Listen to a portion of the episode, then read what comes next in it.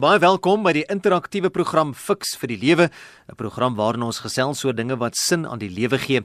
Ek is verloots en ek kuier hier in die ateljee saam met Dr. Gustaf Gous, teoloog en ook besigheidskonsultant van Pretoria. Goeienaand Gustaf. Hallo Phil, ons almal weet dat die lewe die som totaal van jou keuses is en dis waar ons vanaand gesels. Omdat dit hierdie program nie aan jou as luisteraar voorskrifte gee van hoe om te lewe nie, maar dit bied riglyne waarbinne jy self jou keuses maak. So RC stem nie noodwendig saam met die opinie van enige persoon wat deelneem aan hierdie program nie. Nou, hoeveel mense sit dikwels met hulle hande in hulle hare oor verkeerde of dalk swak besluite wat hulle geneem het? En hoe kan ek verseker dat ek die regte of dan 'n goeie besluit neem in alle omstandighede? En ek dink die vraag ook is, is dit wel moontlik? So fiks vir die lewe fokus aan vanaand op die onderwerp: Hoe neem ek die regte en ook goeie besluite? Gustav, hoe besluit 'n mens oor iets? Wat wat is daardie proses wat gevolg moet word? Wat moet ek alles oorweeg? Vol dis een van die belangrikste goed in ons hele lewe want se besluite bepaal jou hele lewe of dit nou in jou besigheid is of dit in politiek is of jou persoonlike lewe is en ons weet almal die pyn van oordeelsfoute wat dit vir mense gebring het. En daarom het mense nogal gereeld so 'n uh, metodetjie gelys. As jy nou tipies gaan Google oor hoe om nou 'n goeie besluit te neem, dan kry ons 'n baie mooi rasionele um, uiteensetting van hoe besluite geneem moet word. En ek dink daai besluite is baie eenvoudig. Jy moet die jy moet die besluit definieer. Waar tussen besluit ek moet ek met hierdie persoon trou of met daai persoon trou? Moet ek hierdie werk vat of daai ene? Dan moet jy inligting versamel. Dan moet jy nou 'n bietjie die persoon op op 'n uitneem en mense leer ken.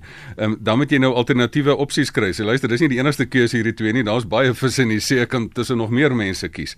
Ehm um, dan moet jy nou die getuienis weeg, dan moet jy besluit, luister, ek het nie vir ewig kan nie tot 80 wag nie, ek moet een of ander tyd nou 'n besluit neem. Ehm um, dan moet ek nou die getuienis weeg. Dan moet jy een kies dan moet jy aksie neem en vra en dan uiteindelik trou of as dit nou oor daardie besluit gaan. En dan moet jy nou dan terugkyk en sê luister dit was 'n goeie besluit of nie. En dan een wat nooit op die lysie is nie, ek voeg hom by op die lysie. Ek sê dan moet jy ophou soek. Ehm um, want dan het jy nou 'n besluit geneem. As jy nou 'n kar gekoop het, gaan ek nou nog steeds die kar brosjures deurkyk. Ek het nou die kar gekoop, nou moet ek nou moet ek die kar ry. So dit is die hele proses. Die enigste probleem is, dit is maklik om hierdie lysie te maak, maar bitter mense, bitter min mense gebruik hierdie lysie. En ehm um, ons is nie sulke objektiewe rasionele denkers soos ons baie keer dink wat so pragtig mooi ons besluite in die lewe neem nie. Ons kom ons wees nou maar eerlik. Jy besluit kom ons nou uit 'n man se oogpunt wat nou maak kon sy nou dink hy's nou so rasioneel. Jy besluit eintlik jy, jy wil eintlik daai kar hê want jy dink dit gaan vir jou meer status gee. Dan gaan kyk jy na die spesifikasies en jy rasioneel gaan rasionaliseer jy omdat jy emosioneel eintlik die ding wou gehad het. Ja, Wilhelmina sê jy's hier op die SMS lyn moenie besluite neem wanneer jy emosioneel is nie. Kom ek lees haar hele SMS. Sy sê die regte besluit is moontlik saam met Jesus. Die regte besluite begin met gebed en sonder hom kan ek niks doen nie. Ken hom in al jou weë en dan sit sy hierdie stukkie by wat nou aansluit by wat jy sopas gesê het. Moenie besluite neem wanneer jy emosioneel is nie. Dankie Wilhelmina. Gustav, waarom is baie mense skynbaar besluiteloos? Vol ek wil deel saamstem met Wilhelmina, maar ek wil ook deels van haar verskil om 'n eenvoudige rede dat die van die beste besluite in jou lewe word geneem in 'n tussenspel tussen jou kop en jou hart. As jy net met feite 'n besluit wil neem en jy het geen emosionele waardeoordeel daaraan nie, dan um, dan neem jy nie 'n goeie besluit nie. Ehm um, natuurlik stem ek saam met haar dat daar ehm um, die die in menslike terme is daar net die twee tipes besluitneming. Dit is die intuïtiewe vinnige besluitneming. Ehm um, dit is daai outomaties intuïtiewe onwillekeurige sonder moeite, kom ons sê dit baie keer impulsiewe emosionele besluitneming. Ja, ek wil die ding hê. En dit is interessant ook interessant ook dat Daniel Kinneman wat um, of Kahneman, ekskuus tog, wat um, die Nobelprys gewen het vir sy internasionale besverkoper um, met die woorde thinking fast and slow.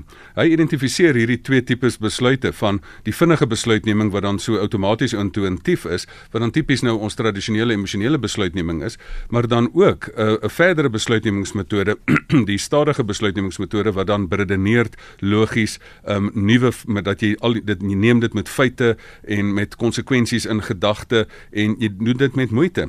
Die enigste probleem is, die rede hoekom mense besluiteloos is, is wanneer mense dan wanneer hierdie twee in lyn is, wanneer jy emosioneel voel, ja, ek wil, maar dit lyk asof um, hierdie persoon, ek wil nou met hierdie persoon trou en alles lyk reg en dit lyk asof die familiekulture bymekaar pas en so aan. Maar da wat wat van as jy die dag 100% lief is vir 'n persoon en hierdie persoon het so 'n destruktiewe familie dat jy weet vir die res van jou lewe gaan hierdie mense inmeng in jou huwelik, jy gaan geen vrede hê nie. Um, wat moet jy nou wat moet jy nou doen? Dit is wanneer mense besluit besluiteloos besluiteloos raak. En ehm um, die verdere rede hoekom mense besluiteloos is wanneer hulle besef maar ehm um, luister die konsekwensies. Ek ek wil hierdie ding so graag doen. Moet ek hierdie stuk roomkoek eet?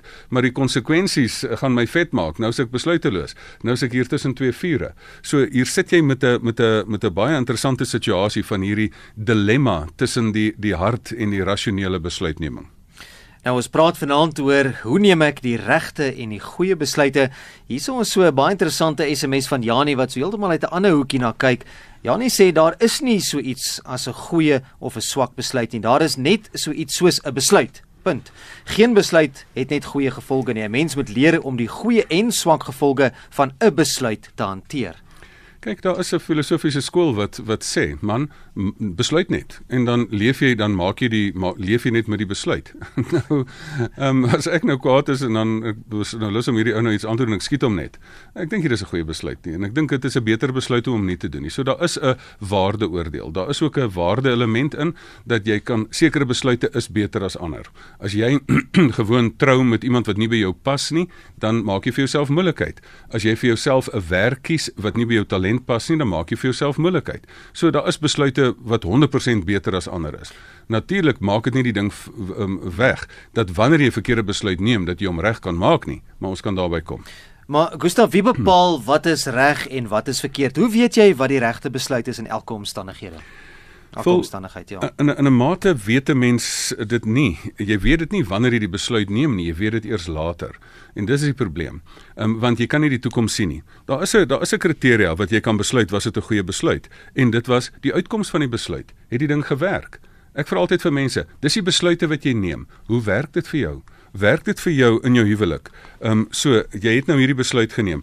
Is hierdie jou huwelik wat werk? Hierdie hierdie werk wat jy gekies het. Ehm um, bring dit vir jou genoeg geld in. Bring dit vir jou lewensvervulling in. 'n uh, Leef laat dit jou saam met jou grein leef en nie teen jou grein nie.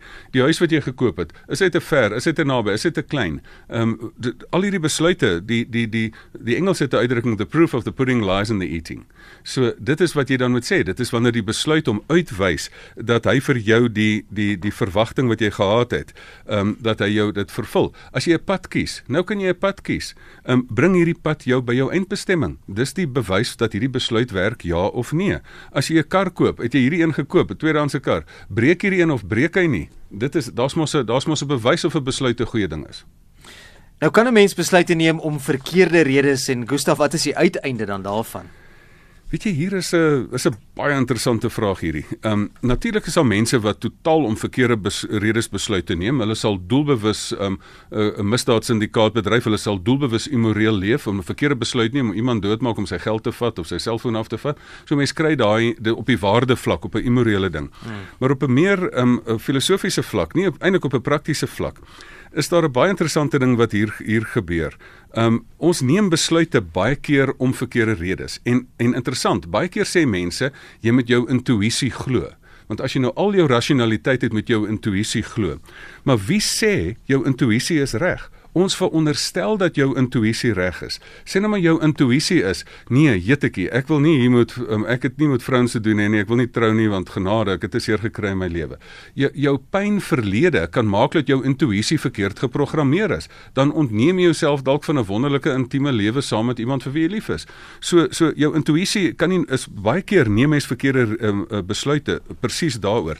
Dit is juis hoekom hoekom um, Daniel Kahneman die Nobelprys gekry het vir sy boek Thinking Fast and Slow.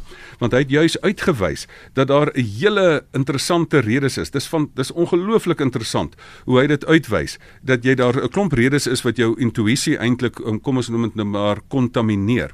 Dan as die ander ding is, dan sê mense okay, maar kom ons val dan nou terug op logika. Dan sê mense nou kan ek net op logiese goeters besluit neem. Um, my vraag is, wie sê jou logika um, gebruik al die feite? Het al die feite tot sy beskikking gebruik? Jy het dalk jou logika um, gebruik, maar hy het by die verkeerde beginpunt gebring. 'n uh, Begin. Jy het jy het hom begin van die verkeerde pand uh, kant af gemotief uh, begin beredeneer.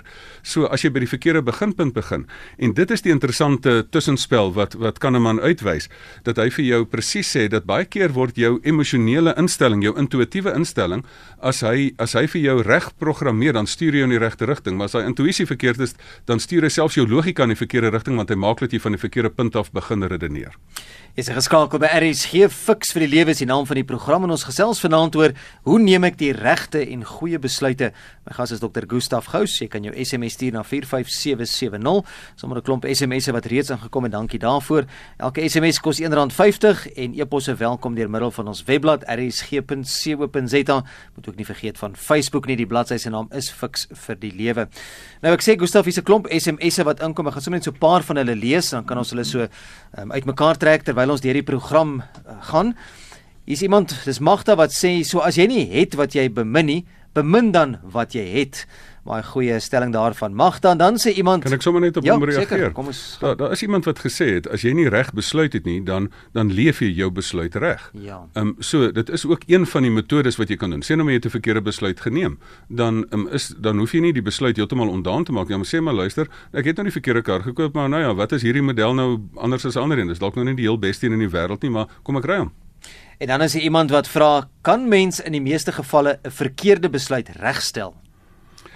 Vol, dit is die interessante. Natuurlik kan 'n mens op 'n verkeerde besluit reg reageer, maar daar's baie kere 'n besluit wat jy nie kan regstel nie. As jy verkeerd gedraai het met jou kar, ehm um, en jy het jou jy het jou been verloor, dan kan jy dit nie noodwendig regstel nie.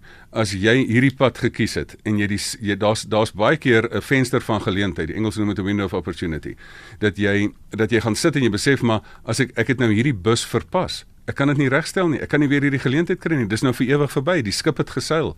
So daar's baie besluite wat jy nie kan omkeer nie. Ehm um, jy kan besluit dat jy nou buite die huwelik 'n kind wil maak. En dat as jy as jy dit nou gedoen het, die kind is daar. Nou kan jy 'n goeie besluit neem deur verantwoordelikheid te vat en vir die kind te sorg en dis meer.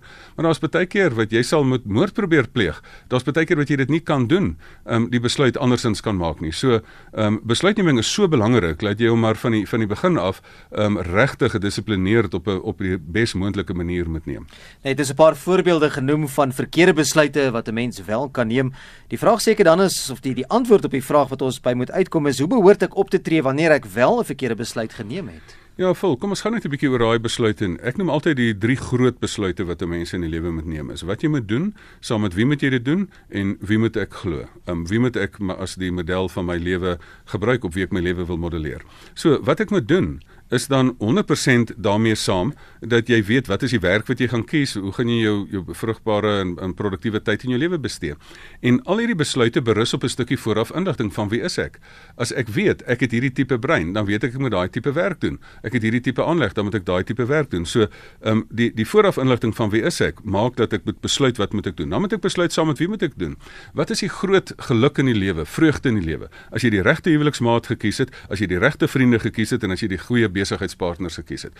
Waarmee sit ek meestal in die spreekkamer met mense wat verkeerde besluite geneem het, verkeerde vriende, slegte lewe, ehm um, verkeerde huweliksmaat, hartseer lewe en dan verkeerde besigheidspartner in jou bankrekening word leeggesteel. So ehm um, hier sit jy en dit is die groot besluit wat jy moet neem. Die grootste besluit wat jy in jou hele lewe moet neem is op wie moet jy jou lewe modelleer. Mense fiks vir die lewe gaan juis daarop dat ons menslike vryheid het en jy moet riglyne gebruik om hierdie vryheid iets van te maak. En dan moet jy nou kies. Ek het 'n skoon vel papier. Ek moet iets van my lewe maak? Gaan ek my lewe modelleer op die plaaslike misdaadsbaas se se se lewenstyl? Gaan ek op die grootste biljoenêr in die wêreld my lewe probeer modelleer? Gaan ek dit op Karl Marx probeer modelleer, een of ander persoon wat 'n ideologiese stelsel uitgedink het, of gaan ek dit op Jesus Christus modelleer wat 'n spesifieke liefdesvolle lewenstyl voorstel? So hier moet jy gaan besluit op um, wie gaan ek glo? Wat in wat gaan ek my my as die riglyn van my lewe beskou? Dan is daar natuurlik 'n klomp kleiner besluite wat ook vir jou probleme kan veroorsaak. Dit is die kar en die fiets en die skateboard wat jy moet vir jouself self moet koop. Dit is die yskas wat jy moet koop, is die teels vir die badkamer. Um, dit is al hierdie kleiner besluite wat dan ook as daai ding vasgeplak het of vasgesement is, dan kyk jy vir daai goed vir die res van jou lewe. So hier, sit jy en en dis dis 'n klomp besluite wat 'n mens kan neem. Daar's honderde besluite. Eintlik is elke dag gaan ek by die rooi robot stop en nie oorjaag nie. Um dit is al hierdie besluite, gaan ek hierdie reël gehoorsaam. Elke dag, elke tweede sekond neem jy 'n besluit in die dag. Ons het vroeër ook 'n SMS gehad en daar's ook Mense wat sê jy moenie besluitloos wees nie, neem tog net 'n besluit al is dit verkeerd, jy kan dit altyd later aanpas. Nou, hoe kan mens daai besluite dan wel later aanpas? Daar's mense wat wat so glo en so leef.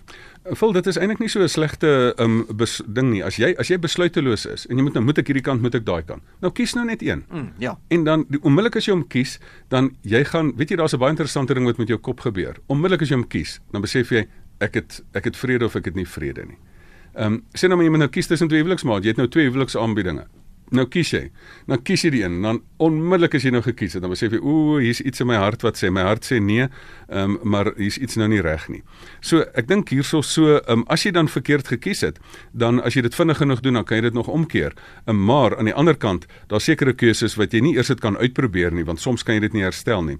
Maar al het jy 100% verkeerd gekies, daar is geen verleentheid wat nie weer 'n volgende geleentheid kan word nie. So hierdie verkeerde keuse laat jou weer met 'n nuwe keuse. Hoe reageer ek op my eie eie verkeerde keuse, dan kan jy weer 'n goeie keuse maak nadat jy 'n slegte keuse gemaak het. Jy kan of dit staan in ontken. Almal wat dan sonde gehad het en dit nou gaan staan en ontken dit, dan vergewe mense hulle nie. As jy net sê man, sorry, jammer, ek skuis, um, dan vergewe mense jou. So hoe jy daarop weer 'n besluit neem op die verkeerde besluit wat jy geneem het, is dan die voortgang van die lewe.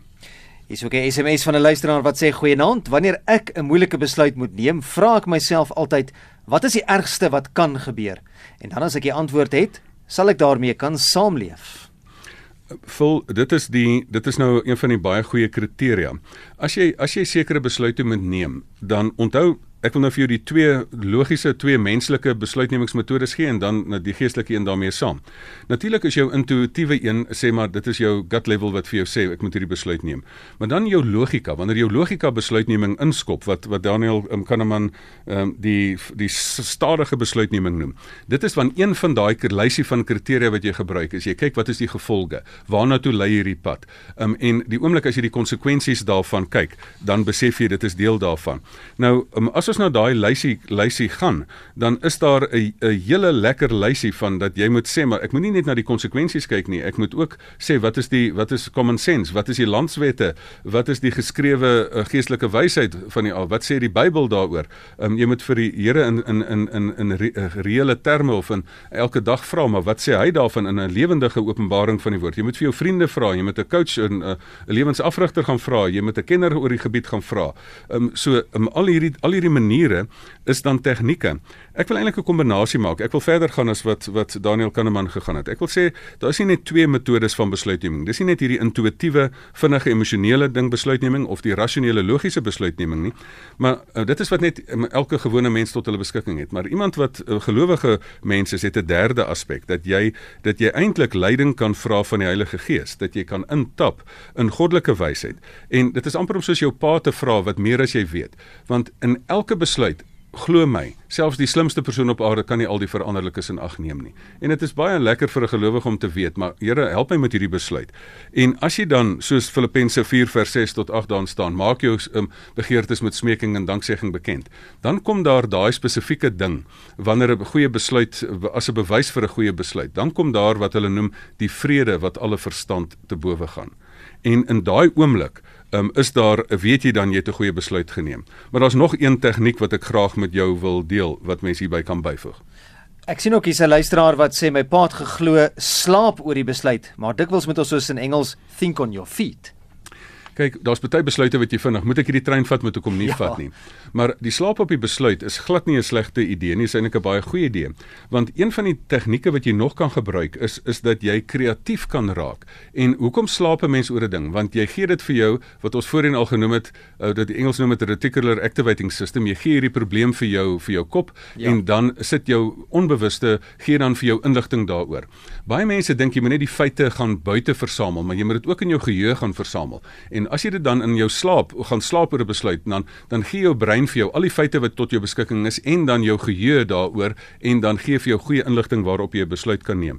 Ek wil dit alles raakvat en saamvat in in een tegniek vul.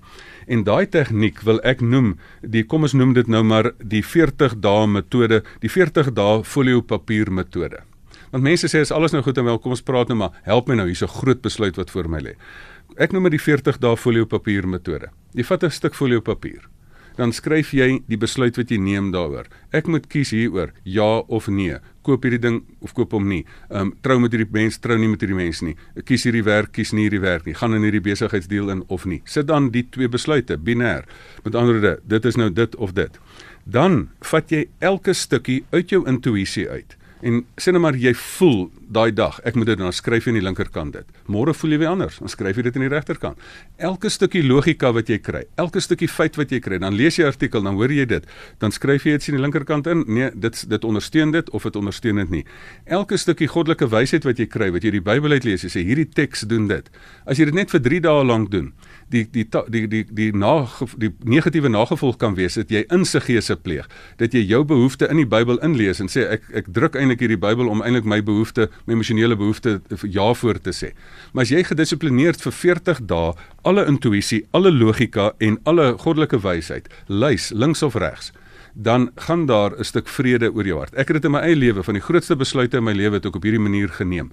En dit was die beste besluit in my hele lewe want ek het hom gedissiplineerd gedoen met al drie modaliteite van besluitneming: intuïsie, logika en goddelike wysheid. Ek moet sê Anton lyk like my stem met jou saam Anton aan Middelburg het sopas 'n SMS gestuur. Hy sê dis baie belangrik vir goeie besluite. Kry al die inligting. Maak seker dis die waarheid en maak seker dis relevant vir my emosionele distorsie.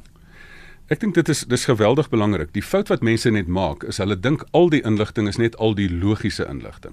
En ek wil dit vanaand weier gooi dat jy in daai lysie nie net al die logiese inligting daar moet gee nie, maar jy moet ook al jou intuïtiewe, al jou al jou wat sommer net in jou jou gut level, jou wat sommer net uit jou diep party mense noem dit jou meisie mens gevoel wat uit jou uit jou diepste wese uitkom, uit jou aanvoeling uitkom, maar dan ook spesifiek. Ehm um, vir 'n Christen het dan juist daai spesifieke stukkie wysheid ook dat jy dan dan um, uit die uit die Bybel uit en uit ander Christene uit wat wat wat dit vir jou deel, wat dan ook vir jou dan 'n stukkie wysheid gee. Lys daai goed vir 40 dae vol. Dit is goeie besluitneming. Is 24 minute na 7 is geskakel by RSG Fix vir die lewe. Gustaf, kan 'n mens steeds gelukkig wees nadat jy 'n verkeerde besluit geneem het? Ek sien, is dit Marie of Marie het laat weet ek het na die ouderdom van 60 weggetrek na 'n vreemde plek. Ek is nou baie eensaam. Sy sê dit was die verkeerde besluit. Ag, vol, weet jy, baie keer moet mense nou maar vergewe vir jou verkeerde besluite. En dan sê nou maar ek het nou is nou hier op die verkeerde plek en um, maar weet jy ek kan hierdie ding nou goed maak. Dan dan die kuns daarvan is, um, daar's baie keer moet jy die besluit regneem. Baie keer kan 'n mens terugtrek na jou vorige plek toe, baie keer kan jy nie. En as jy dit nie kan doen nie, dan sê nou maar raai wat, ek het geen ander keuse as om van hierdie besluit nou 'n sukses te maak nie. En dan kan jy weer gelukkig wees um, vir die feit van ons ons almal het mos beperkte inligting en ons neem verkeerde besluite, maar jy kan dit kan dit herstel. Nou, wat moet jy besluit wanneer jy onseker oor iets of oor iemand is, Gustaf? Dis dis nie eintlik jy weet dis dis, dis moeilik om om daar besluit te kan neem. Hoe doen jy dit? Wat maak jy? Weet jy daar's dis interessant, daar's 'n ou bergklimreël, want besluitneming is vat ek hierdie voetpaadjie, vat ek daai voetpaadjie. Ja, jy kan net nie besluit nie, jy weet nie wat nou nie. En die rede wanneer jy in bergklim nie kan besluit nie is wanneer jy mis toesak. Hmm. Dan kan jy nie sien nie. Jy kan nie jy het nie 'n idee gaan ek nou hierdie paadjie vat en oor die afgrond val of gaan ek hierdie paadjie loop en dit gaan my deur die pas waarvoor ek gemik het my nou vat nie. En dan is daar 'n baie interessante ding wat die bergklimmer sal vir jou sê. In so 'n situasie, dan gaan sit jy en jy gaan sit stil. So as jy onseker is oor iemand, dan vra jy tyd um, en dan kry jy die ontbrekende inligting wat daar is. En as jy nie die ontbrekende inligting kry nie, dan bly jy en jy jy sê maar ek gaan nie hierdie besluit neem nie. Ek sê baie keer, onthou skei is een van daai besluite wat 'n baie groot besluit is. Ek sê altyd vir mense, ehm um, as jy onseker is, dan is dit nie kom mense vir huweliksberading nie, dan kom hulle nie uitsluitlik vir egskeidingsberading nie, dan kom hulle vir besluitnemingsberading en besluitnemingsberading per definisie het dan 'n tydperk dat jy vir 'n persoon nie sê luister ek gaan vir 3 jaar hier op hierdie graspol sit nie. Ek gaan nou hier sit en ek gaan nou ehm um, tot ek besluit het. Watter inligting het ek nog nodig en dan vat jy jou gedeel deur daai gedissiplineerde proses. En dit is waar ek amper vir mense sê, ek gee vir jou maksimum 40 dae. Jy kan in 40 dae kan jy 'n buitengewone um, goeie besluit neem. En en dan um, dan moet jy maar die konsekwensies van jou besluit vat. Nou, ek weet baie mense sê byvoorbeeld as jy oor sonde praat, daar's nie so 'n groot of 'n klein sonde nie. As jy gesondig het, het jy gesondig. Sonde is sonde. Kan ons so redeneer in terme van besluite? Kan is daar dalk iets wat mense kan sê is die moeilikste besluit om ooit te neem? Hyful. Hierdie hierdie ding, dis 'n traumatiese vraag wat jy nou vir my hierso vra. Weet jy ek het jare terug het ek 'n fliek gekyk, Sophie's Choice. En daai fliek spook tot vandag toe nog by my. Want daar's hierdie onmoontlike keuse. Want weet jy daar's baie keer as jy moet kies tussen goed en sleg, dan kies jy goed. As jy moet kies tussen sleg en slegter, dan kies jy um, sleg, want sleg is slegter as beter. Maar sê nou jy moet kies tussen twee totaal onaanvaarbare slegte goeders. Wat was haar keuse? Duitse soldate het vir haar gesê, jy het twee kinders, um, een van hulle kan jy saamvat, kies.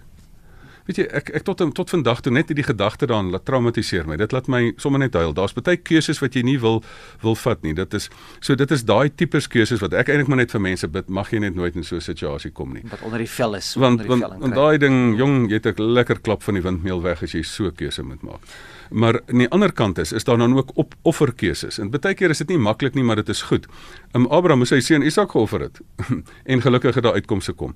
Daar's eendag 'n persoon um, wat sy seun geoffer het om die mensdom te red. Sy naam was Jesus Christus. Dis 'n besluit. Dit moet ek so besluit. Dis nie maklike besluite nie.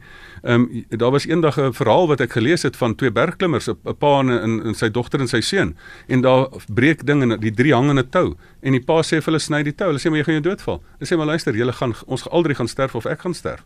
Daar's baie keer sulke offervaardige keuses. Dis nie maklike keuses daai nie maar ehm um, dat 'n mens sulke keuses dan kan neem in daai split sekonde. Dis wat 'n mens baie keer moet doen. Kom ons vat vanaand se program saam Gustaf vir ons onderwerp hoe neem ek die regte en goeie besluite?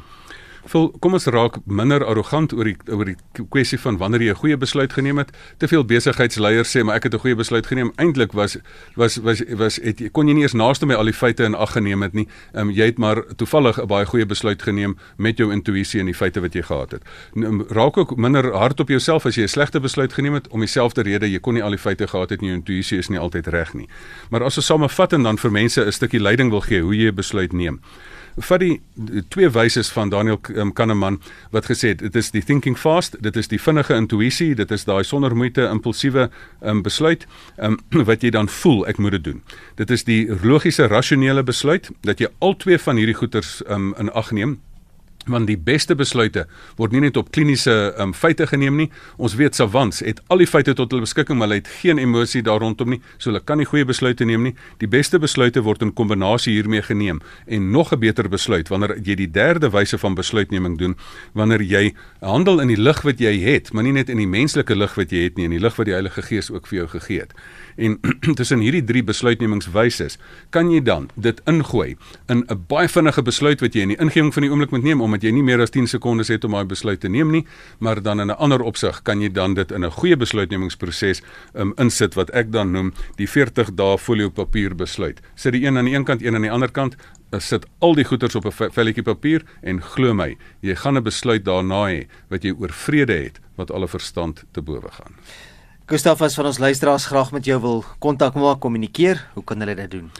Vul um e-posadres gustaf@gustafgous.co.za uh, en um op die Facebook bladsy natuurlik ook en um en mense is welkom uit elke aspek van die lewe, van besigheid tot wat. Hierdie besluitneming ding is dit wat jou toekoms bepaal. So dis op Facebook, die bladsy se naam is Fix vir die lewe gaan like hom net daar, jy sal die inligting daaroor kry, asook Dr. Gustaf Gous se kontak inligting.